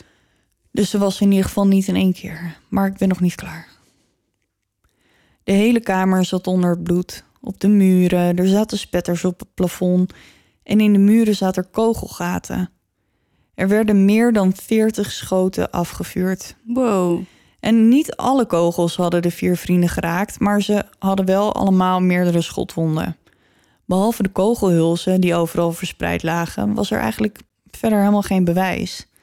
Later bleek dat de hulzen die gevonden werden uit twee verschillende wapens waren gekomen, wat erop zou kunnen wijzen dat er of twee daders waren of één dader met meerdere wapens. Wat bizar, joh. Ja. Het lijkt wel een soort van killing spray of zo. Mhm. Ja. Alsof iemand gewoon, ja, sorry, ik, ik vind dat het zo naar om aan te denken, maar een soort van high school eh, idee. Shooting, ja. Ehm, we gaan door met de autopsie. Tijdens de autopsie bleek dat Marcus, Adelbert en Tiffany door de schotwonden om het leven waren gekomen, maar Rachel was er nog erger aan toe. Zij werd door twaalf kogels geraakt en de meeste in de buurt van haar kruis. Maar haar doodsoorzaak waren meerdere klappen op haar hoofd met een geweer. Wow, waarom dan? Nou ja, waarschijnlijk was ze eerst neergeschoten, maar niet gelijk dood. En heeft ze dus zichzelf dus naar de telefoon weten te slepen om 911 te bellen. Mhm. Ehm, en waarschijnlijk is ze toen opgemerkt door de dader en is toen op haar hoofd geslagen om, nou ja, er voor eeuwig het zwijgen op te leggen. Jeetje, wat heftig. Ook Tiffany werd in haar kruis geschoten. En, Waarom daar? nou, dat ga ik je zo vertellen. Ehm, en, maar alleen de vrouwen. Dus Marcus en Adelbert hadden ehm, wel schotwonden, maar niet per se ehm, In de buurt van een kruis. Volgens de politie kan het namelijk verschillende dingen betekenen als je je slachtoffer in haar of zijn kruis schiet. In dit geval dus haar. Als ze door een man beschoten zijn, komt het meestal omdat de man in kwestie de vrouw haat. Ehm, bijvoorbeeld omdat ze vreemd is gegaan en door haar daar te raken wil hij in feite haar vrouwelijkheid aantasten. Of de man in kwestie haat vrouwen in zijn algemeen gewoon. En door haar daar te raken verwoest hij haar vrouwelijkheid. Oké. Ehm, maar als de dader een vrouw is, kan het voortkomen uit jaloezie, omdat nou ja, ehm, ze zich bijvoorbeeld minder voelen dan het slachtoffer en het idee hebben dat het slachtoffer dan boven hun verheven is en zoiets. Ja, ja, ik snap het. De politie heeft in de eerste instantie geen flauw idee wat het motief voor de moorden is. De vier slachtoffers stonden allemaal bekend als lieve, eerlijke mensen die nooit in de problemen zaten en geliefd waren bij iedereen. Dus waarom zou iemand ze dan willen vermoorden? Christine was er kapot van toen ze hoorde wat er met haar vrienden gebeurd was. Ondanks dat ze, dat ze elkaar niet zo vaak meer zagen, waren het wel haar beste vriendinnen. Ze was vreselijk verdrietig en raakte depressief. Ze was niet meer in staat om te werken, ze huilde de hele dag en de eerste drie nachten na de moorden sliep ze bij haar ouders in bed omdat ze niet alleen wilde zijn. Ondertussen is het onderzoek in volle gang en de politie doet een buurtonderzoek om te kijken of er misschien iemand van de buren iets gehoord of gezien heeft. Een van de buren zegt dat hij die dag rond half vier een hoop kabaal had gehoord, maar hij dacht dat er iemand aan het verbouwen was en gewoon met een hamer in de weer was. Aha. Achteraf gezien was dat waarschijnlijk het tijdstip eh, dat de moorden geschoten. ja. Iemand anders uit de straat had rond die tijd een man en een vrouw in de straat gezien, alle twee volledig in het zwart gekleed. Hij had verder niet zoveel aandacht aan ze besteed, dus hij had niet echt naar, naar hun gezichten gekeken. Het enige wat hij zich kon herinneren was dat ze van top tot teen in het zwart gekleed waren en dat het meisje een bandana om haar hoofd droeg. Dus hij kon niet zien hoe haar haar eruit zag. Maar het was dus een- meisje, dat had hij wel gezien. Ja, een man en een vrouw. Oké. Verder was hem opgevallen dat ze abnormaal grote ogen had. Omdat ze verder geen enkele aanwijzing hebben, vragen ze hem om ehm, of hij wil helpen met de compositietekening. Hij had er zelf niet zoveel vertrouwen in dat hij ze echt van dienst kon zijn, maar hij wil alles doen om te helpen, dus ze doen toch een poging. Als de tekeningen klaar zijn, worden ze overal verspreid. In de krant en op tv, maar het leverde eigenlijk helemaal geen aanwijzingen op. Vastbesloten om de dader te vinden, gaat de politie stug door met een onderzoek. In de hoop meer te weten te komen, gaan ze bij de vrienden en klasgenoten van de vier langs. En hier komen er een paar nieuwe dingen aan het licht. Zo komen ze te weten dat Marcus na zijn eh, bijbaantje als ober drugs dealde. Oh, Ja, dus dit biedt gelijk een heel nieuw perspectief in de zaak. Want, ja, want hij was toch zo betrouwbaar en aardig en Ja. niet in de problemen. Ja, en nou ja, zoals we allemaal weten, de drugswereld en drugsdealers nou, is niet altijd even veilig en nou ja, brengt ook wel vaak Het zou om een, met om een mee. afrekening kunnen gaan, bijvoorbeeld. of een eh, verkeerd drugsdeal of een, drugsdeal. zoiets. Of hij heeft een dealer afgezet, geen idee. Dat, maar zulke soort motieven denken ze nu een beetje aan. Oké. Maar goed, dat is niet het enige. Adelbert, Marcus Neef, zou banden hebben met die Mexicaanse maffia. Dus ook daar zou de moord mee te maken kunnen hebben. Al kan de politie niet direct een link leggen. Oké. Op dat moment was de verkeerd gelopen drugsdeal dus het beste aanknopingspunt. Ja, ja. Ze gingen op zoek naar verdachten die in dat straatje pasten, maar ze konden er geen één vinden.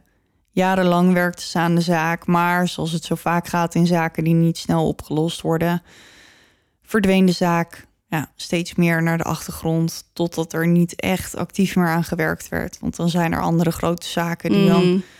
hun aandacht opeisen. Maar Rachel's vader was niet van plan om zo makkelijk op te geven. Hij moest en zou de dader vinden die zijn dochter van het leven beroofde. Hij begon geld in te zamelen om zijn eigen onderzoek te beginnen.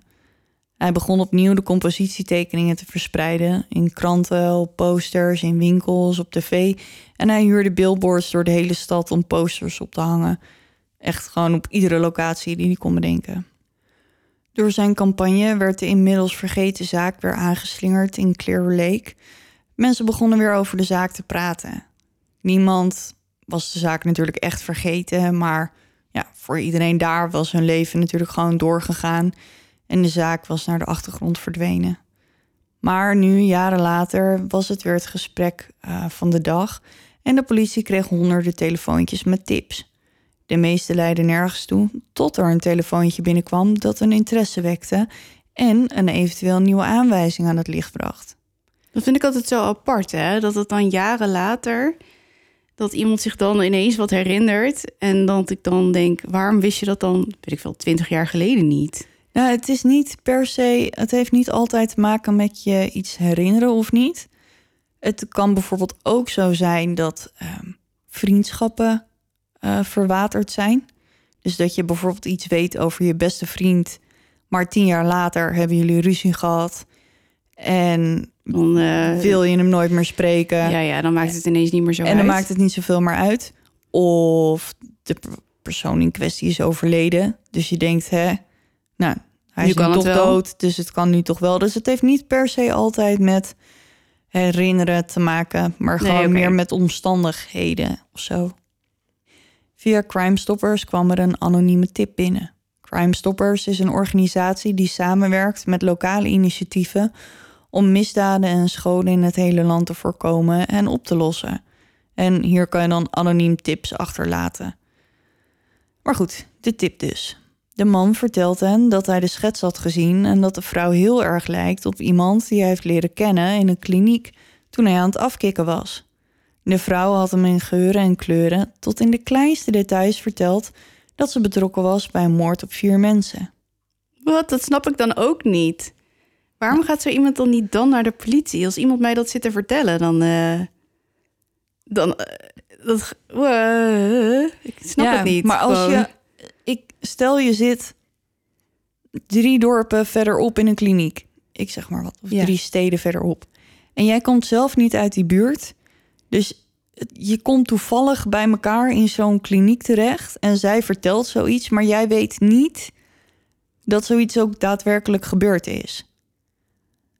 Nou, dan had ik het tegen iemand anders gezegd. Ja, Of misschien ik had hulp wel. gevraagd van... wow, wat moet ik hiermee? Moet ik dit gaan melden bij de politie? En dan had iemand met een, met een helder verstand waarschijnlijk wel gezegd... ja of nee, maar het is toch... En die heeft in al die jaren nooit gehoord over een viervoudige moord.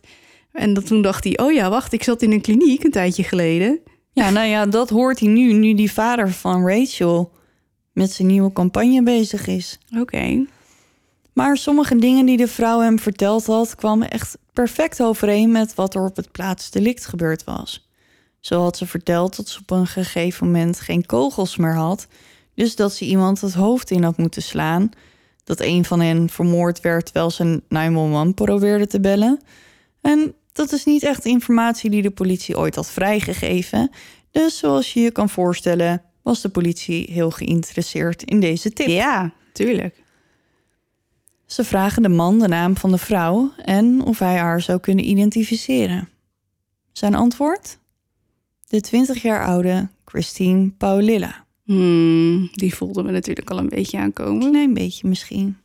Ze zoeken haar gelijk op in de bestanden die ze tot hun beschikking hebben. En als ze een foto van haar zien, valt hen gelijk de gelijkenis tussen haar foto en de compositieschets op. De politie doet meer onderzoek naar Christine en ze blijkt een strafblad te hebben. De eerste vergrijpen vonden plaats rond de tijd van de moorden en waren daarna eigenlijk niet meer gestopt. De meeste dingen op haar strafblad hadden met drugs te maken. Christine stond erom bekend om, nou ja, verslaafd te zijn aan drugs op dit moment. Inmiddels is Christine getrouwd. Niet met Chris, maar met een nieuwe man, Justin. De politie spoort haar op en ze komen erachter dat Christine en Justin in een motelkamer wonen. Ze gaan er naartoe om Christine te arresteren en zodra ze de motelkamer binnenkomen, zien ze Justin en Christine. De hele kamer ligt bezaaid met gebruikte naalden. Jezus. En dan bedoel ik ook echt bezaaid met honderden gebruikte naalden. Mm. Het was er smerig, het stonk er, overal zat bloed, omdat ze dan die naalden hadden gebruikt waar dan bloed aan was blijven zitten. En dan hadden ze het zo weggegooid en Als dan tegen de muur aan. uittrekt, En, dan komt er bloed mee of zo. Ja. Of het breekt of weet ik veel wat. ja, en er lag overal beschimmeld eten, er lag Oh. kots, vieze kleren, overal lag poep van een hond. Gadverdamme. Ja, gewoon echt één grote zwijnenstal. Christine was de kamer niet uit geweest in de acht maanden daarvoor. Niet? Nee, bijna niet. Ze leefde op Cheez-Its, peanut butter cups en frisdrank. Oh. De kamermeisjes mochten nooit binnenkomen om schoon te maken. Nou, vraag me af waarom niet. Ze had geen baan meer en zat alleen op haar kamer om drugs te gebruiken. De Hoe kan ze nog een leven zijn dan? Geen idee. De politie schat dat ze zo'n 500 dollar per dag aan heroïne uitgaf. Wow, hoe kom je daar aan dan? Nou, ze had geld geërfd van haar vaders levensverzekering. Zo'n 360.000 dollar. En dat heeft waarschijnlijk al die tijd vastgezeten tot ze volwassen werd. En is daarna aan haar uitgekeerd. Ja, maar 500 dollar per dag. Ja, en dat gaat acht rap. maanden lang. Ja, Dat gaat eh, rapido. eh. zeker. Dus nou ja, dat gebruikt ze dus om haar verslaving te financieren. Mhm. Christine werd dus opgepakt en haar man Justin ook.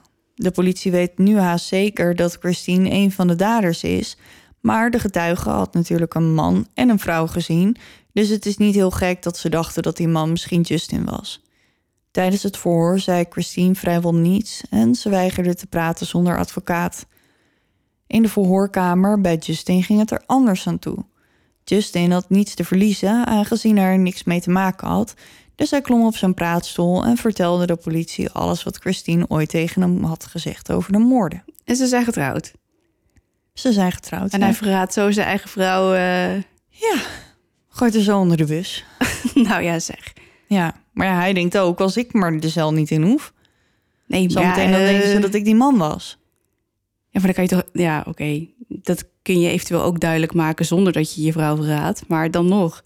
Hmm, Het lijkt me niet echt een relatie gebaseerd op hele diepe liefde, dit. nou ja, misschien wel. Misschien hun eigen... Ik heb geen idee, hun eigen liefde. Oké. Op een avond had Christine tv zitten kijken in haar appartement... dat ze gekocht had met het geld van de erfenis. Als ze een compositietekening in beeld ziet verschijnen... roept ze Justin de kamer in en vraagt of die tekening op haar lijkt. En hij knikt een beetje beamend, zo van... hmm. Ja, het zou En- wel kunnen, eventueel. Ja, en nou ja, nu ze toch al een soort van bekentenis heeft gedaan... vertelt ze hem alles over de fatale avond. Het is wel praatgraag, hè? Ja, ja, tegen hem wel, ja. Ja, maar ook tegen die anderen in die, in die kliniek. In die kliniek, ja. Ze wilden het graag delen, blijkbaar. Dat blijkt. Het is best wel dom. Best wel, ja. Maar goed. Ja, ik heb er geen andere woorden voor. Het was blijkbaar het idee, of nou ja, blijkbaar wilden Chris en Christine drugs gebruiken op de dag eh, van de moord, maar ze hadden geen drugs en ook geen geld om drugs te kopen, dus ze bedachten een plan. Het plan was om bij haar vriendinnen langs te gaan en ze te beroven. Volgens Christine gingen ze naar het huis en toen ze voor de deur stonden, gaf Chris haar een geweer. Ze klopte aan en Rachel deed de deur open en liet ze binnen. Ze waren nog steeds vriendinnen, dus Rachel had ook helemaal geen enkele reden om aan te nemen dat, er iets verschrikkelijks stond te gebeuren. Tiffany, Marcus en Adelbert zaten nog naar de film te kijken en Rachel stond in de woonkamer omdat ze ze net binnengelaten had. En iedereen kletste een beetje met elkaar totdat Chris plotseling zijn wapen tevoorschijn haalt en Christine volgt zijn voorbeeld. Ze bedreigen de vier vrienden en eisen dat ze al hun waardevolle spullen en drugs overhandigen. Chris houdt de drie vrienden die zitten onder schot en Christine richt zich op Rachel en neemt daarmee het huis door om alle spullen te verzamelen. Als ze terug zijn, vuurt Chris op Marcus en volgens Christine gaat haar geweer spontaan af en blijft daarna afgaan terwijl ze blindelings de kamer inschiet. Uh, Oké. Als ze denken dat iedereen dood is, verlaten ze het huis. Maar als ze naar buiten, uh, of buiten staan, zegt Christine tegen Chris dat ze moeten controleren of iedereen wel echt dood is. Dit zijn tenslotte haar vrienden en ze kunnen hen uh, identificeren als ze het overleven. Christine gaat terug het huis in en als ze de kamer inkomt, ziet ze dat Rachel over de grond kruipt en probeert 911 te bellen terwijl ze bezig is te stikken in haar eigen bloed. Ach, jezus. Als ze zich realiseert wat er gaande is, maakt Christine van haar geweer een hamer door hem bij de loop vast te houden en beukt erop los op het hoofd van Rachel om er zeker van te zijn dat ze echt dood is. Volgens Christine had zij zelf niemand neergeschoten. Alle moorden werden gepleegd door Chris. Mhm. Mhm. Is altijd zo, hè? Tuurlijk. Na de moord gaan ze naar Christine's huis om alle bloed van zich af te wassen en schone kleren aan te trekken. Daarna laat Christine zich door Chris naar haar werk bij een supermarkt rijden waar ze op de make-up afdeling werkt. En ze werkt gewoon haar hele dienst, geen vuiltje aan de lucht. Dus je pleegt een moord en je bent nog op tijd voor je werk ook. Ja, en niet één moord, niet twee, nee vier, Vier. van je vrienden zijn gewoon dood. Ja. Die eh, een totale makeover hebben gegeven en je het leven teruggaven. Ja. Die, eh, ja, die, Ja. die vrienden. Ja, weet je, die je voor het eerst gelukkig maakte. En zo. Precies. Na de moorden hebben Chris en Christine nog een jaar een relatie. Die eindigt omdat Chris wordt opgepakt voor het stelen van een auto en een tijdje de cel in moet. Nu hij niet meer in beeld is, besluit Christine dat het tijd is om haar leven weer op de rails te krijgen. Ze gaat naar een afkikkliniek om van haar verslaving af te komen en voor een tijdje gaat het best wel goed. Haar leven lijkt weer de goede kant op te gaan. In de kliniek leert ze haar man Justin kennen en vertelt ze dus het verhaal aan die anonieme tipgever. Maar dat weten we niet. Ze kikken samen af, maar als ze uit de kliniek terug zijn, vallen ze al snel terug in oude gewoonten. Nadat Christine haar verhaal heeft verteld aan Justin, wil ze niet langer in het huis blijven. Het wordt haar te heet onder de voeten en ze wil niet langer in Clear Lake wonen. Ze verkoopt het huis en ze nemen een intrek in de motelkamer waar de politie ze vond. De politie trekt natuurlijk ook Chris na, de tweede verdachte. Hij blijkt niet meer in de gevangenis te zitten. Hij woont nu in Florida met een vrouw die hij online heeft ontmoet. In 2006 vaardigt de politie een arrestatiebevel voor hem uit. Op de een of andere manier komt het nieuws bij Chris terecht en hij verdwijnt. Oh, Ik weet niet hoe dat is gegaan, maar in ieder hij geval... kreeg er lucht van en hij dacht, joejoe. Ja, het wordt me een beetje te heet hier onder mijn voeten. Ik smeer hem. Ja. Er wordt een maand naar hem gezocht, maar ze kunnen hem niet vinden. Er komt een tip binnen van iemand die zegt dat hij Chris een maand eerder, rond de tijd dat hij verdween, ergens bij een bos had gezien. Als de politie daar zoekt, vinden ze het ontbindende lichaam van Chris. Wat? Ja, hij heeft zelfmoord gepleegd Nee, door joh. een overdosis eh, pillen te slikken. Oh, jezus. Als de politie daarna zijn huis doorzoekt, vinden ze twee geweren die verdacht veel lijken op de wapens waarmee de politie denkt dat er moorden zijn gepleegd. Ze testen ze op DNA en op één wapen vinden ze niet alleen het DNA van Chris, ze vinden er ook het DNA van Rachel. In de eerste instantie probeerde Christine natuurlijk te ontkennen en haar rol in de moorden zo klein mogelijk te maken. Maar uiteindelijk bekent ze en pleit ze schuldig in haar rechtszaak. Omdat ze 17 was ten tijde van de moorden, kon ze niet ter dood veroordeeld worden. Dus ze kreeg automatisch een levenslange straf. En we zitten natuurlijk in Texas en daar Mm. doen ze dan nog aan de doodstraf. Ze heeft al een aantal keer geprobeerd haar straf aan te vechten, maar dat is tot nu toe niet gelukt. Haar eerste kans op voorwaardelijke vrijlating is in 2046. Hm. Dan is ze 60 jaar oud. Nou, ik acht de kans eh, niet heel groot, eerlijk gezegd. Nee, ik zie er ook niet zo snel eh, vrijkomen. Want dit was gewoon koelbloedig, Ja. Mm, kansloos. ja, en later heeft ze ook ehm, gezegd van... joh, ik, weet- ik weet het niet. Dit zijn de enige mensen in mijn hele leven... die me nog nooit een mes in mijn rug gestoken hebben. Maar Waarom hun dan? Ja, geen idee. Maar ik weet dus Hoe ook hoe- niet... Ik weet dus niet... Ik denk namelijk niet dat het alleen maar Chris was... die dit heeft bekokstoofd. Ik denk dat zij hier ook een aardige rol in gespeeld heeft. Ja, want als het voor haar, als zij dacht, we gaan ze alleen beroven, dan ben ik al mijn vriendschap kwijt, maar zijn ze niet dood. Ja, dan, dan had het natuurlijk als een enorme sch- schok kunnen komen dat haar vriend dan vervolgens die mensen neerknalt. Ja, maar laten we niet vergeten... die twee meiden zijn natuurlijk in hun kruis geschoten. Dus als Oh ja. je... Misschien was er toch jaloezie vanaf haar kant. Ja, of misschien heeft ze toch nog ergens diep het idee... dat ze nooit zo mooi, knap, leuk zou kunnen zijn... zoals die meiden. Zoiets. Ja, dat zou kunnen. Alsof ze nooit goed genoeg zal zijn. Jeetje, wat treurig. Zeker, maar er zat wel een eind aan.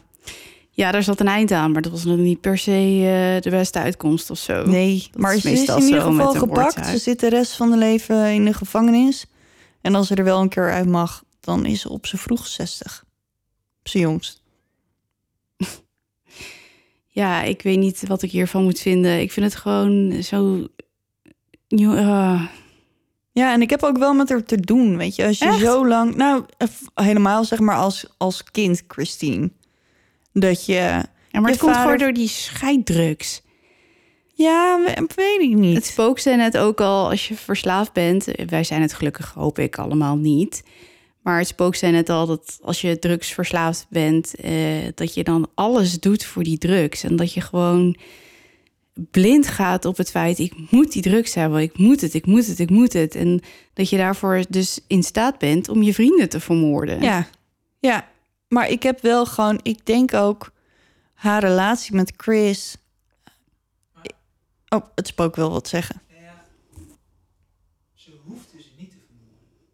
Dat heeft Chris dan volgens dat verhaal dan, toch? Ja, het spook zegt dat ze ze niet had hoeven vermoorden. Dat zei ik net ook al. Ze hadden natuurlijk ze kunnen beroven. En eh, als Adelbert en Marcus. Marcus en inderdaad ja. eh, drugs eh, dealden en er was drugs in huis... dan hadden ze dat natuurlijk onder schot kunnen eisen. ja. En dan was je wel je vriendschap kwijt geweest. Nee, maar, dan had je de cel ingemoeten. Want dan hadden ze je aangegeven bij de politie en dan hadden ze gezegd... Ik bedoel, hun gezicht was gewoon... Het was niet dan hadden ze daar beter over na moeten denken. Ja, maar het is niet alsof ze een bivakmuts op hadden... en een soort van anoniem daar naar binnen zijn gelopen. Ze hebben gewoon aangeklopt en ze dachten... hé, hey, er zijn mijn vrienden. En ze hebben ze gewoon binnengelaten. Dus als je dan iemand onder schot berooft... Ja, oké. Nou, dan bellen ze daarna de politie en dan ga jij de cel in. En dat wil je niet, want dan kan je geen drugs gebruiken. Drugs is gewoon echt een ziekte. Ja, maar dat, is, dat geldt voor alle verslavingen. Ja, Het is gewoon een ziekte. het is heel treurig. En je moet zo verschrikkelijk sterk zijn om dat te verslaan. Ja, en zelfs als je afkikt, dan is het volgens mij. eh, je blijft, altijd, maar je heel- blijft altijd verslaafd. Ja, zeker. Ik denk dat de terugval ook. eh, ik vind het dan ook best wel knap van dat haar eigen moeder Ja, drugsverslaafd was, afgekikt is en daarna gewoon blijkbaar verder is gaan leven. ja. Vast wel met de nodige ehm Ups en downs. Valkuilen en ups en downs, inderdaad. Maar die heeft daarna blijkbaar nooit meer drugs gebruikt. Nee, Dus dat- voor zover ik weet niet. Nee. Het kan wel, Ja. maar je ziet inderdaad in de meeste gevallen. ja, het is zo moeilijk. Want eigenlijk vecht je gewoon tegen demonen in je eigen lijf. mhm, In je eigen hoofd. En niet spookdemonen, maar gewoon diegene die jou dwingen om drugs te gebruiken. Ja, en vaak, ik zeg niet dat het altijd zo is, maar vaak is drugs ook een soort van zelfmedicatie en zijn er nog onderliggende problemen. Waardoor mensen drugs gaan gebruiken omdat ze die problemen willen vergeten. Maar dat wordt uiteindelijk alleen maar erger, omdat ze dan nog eens een keer in dat negatieve spiraal van het drugsgebruik komen. Hetzelfde met alcohol. Nou moeten we natuurlijk niet alle drugs over één kam scheren, hè, bedenk ik me nu net. Nee, Want als je af en toe een blootje rookt en je gaat daar verder prima op... of ik tuurlijk. veel eh, CDB, eh, hoe heet dat spul? CBD. Olie, olie gebruikt. Dat valt niet onder drugs. Oh ja, goed. Nou ja, misschien in Amerika wel. Ik heb geen idee. Maar ehm, of dat je af en toe op een feestje Een wat pil slikt. Ja, dat is allemaal. Ja. weet maar je, dat vind ik ook best wel prima. Maar we hebben het natuurlijk wel over de zware harddrugs. Dus Ja, maar daarom zeg ik ook, weet je, zelfmedic drugs gebruiken als zelfmedicatie. Dus niet gewoon om die demonen in je eigen leven vervang je dan eigenlijk met Drugs. demonen ja, in je hoofd die drugs willen gebruiken. ja. Dus het is, eigenlijk, het is eigenlijk nooit een oplossing. Maar ik snap wel dat als je, en helemaal als je kijkt naar Amerika, waarin de gezondheidszorg en geestelijke gezondheidszorg zo lastig is voor hele grote groepen mensen om dat te krijgen, dan is het inderdaad een stuk makkelijker om wel aan de drank te gaan in plaats van naar een therapeut. Want als je naar een therapeut moet en je moet er 150.000 dollar voor betalen, ja. dan ehm, is een sixpack bier Een stuk of zes per dag alsnog veel goedkoper dan die therapeut. Ik noem nu even bedragen uit mijn losse pols. Geen idee wat het kost. Nee, maar nee. we weten allemaal dat als je in Amerika niet verzekerd bent, ben je best wel de pineut. Ja, dat is zo. Ja, het is, eh, het is heftig. Ja. Het is, eh, don't do drugs, hè?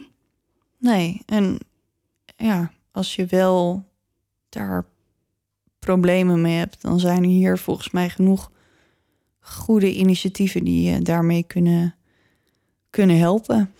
En hier, ga, hier kan je ook wel gewoon mee naar je huisarts.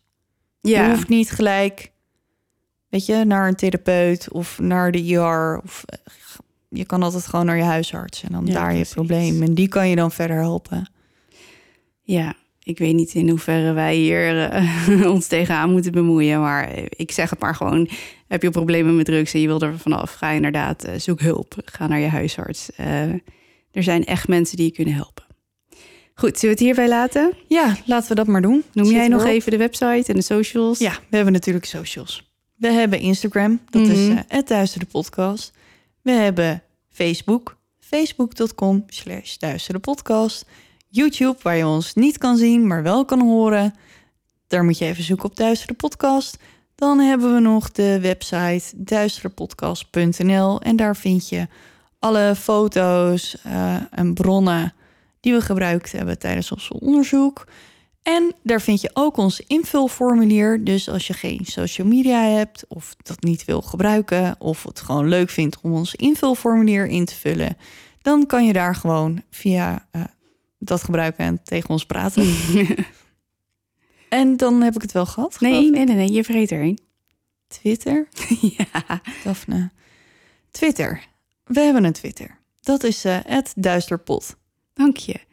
En mocht je zelf iets meegemaakt hebben en dan vooral eh, een beetje op paranormaal gebied, dan kun je ons een mailtje sturen Hoezo? naar. Vooral op paranormaal gebied. Ja, maar omdat de meeste Alsof er hier mensen geen niet. misdaad gebeurt. Nee, maar je komt niet iedere week maak je een moord mee. Hoop Nou. ik. Maar de meeste mensen, de meeste hebben zo wel soms wel een beetje een paranormale ervaring. Maar ik wil waar gebeurde misdaad. Dus als je een verhaal goed. hebt... Als je een verhaal hebt, paranormaal of misdadig, mail het naar eh mijn verhaal en dan kunnen we weer een eh, rondje thuisdragersverhalen doen. Ja, en vergeet onze code voor Creamybox niet... voor 20% korting om de donkere dagen door te komen. De duistere dagen. De duistere Kimberly. dagen. Sorry. Ga ehm, naar www.creamybox.com en eh, bestel je box of dossier. Met 20%, 20% korting. Oké, nou, thanks voor vandaag. Ik vond hem weer prachtig. nou, ik ben blij dat, ik, eh, dat het een succes was. Fijn. In ieder geval eh, zonder vragen naar bed vandaag. Ik heb wel, ik heb wel vragen, maar niet, niet, niet zo heftig als een niet opgeloste. Oké. Nou jongens, Dit was het. Bedankt voor het luisteren. En onthoud, Tot snel en onthoud, blijf in het licht, want je weet nooit wat er in het duister op je wacht.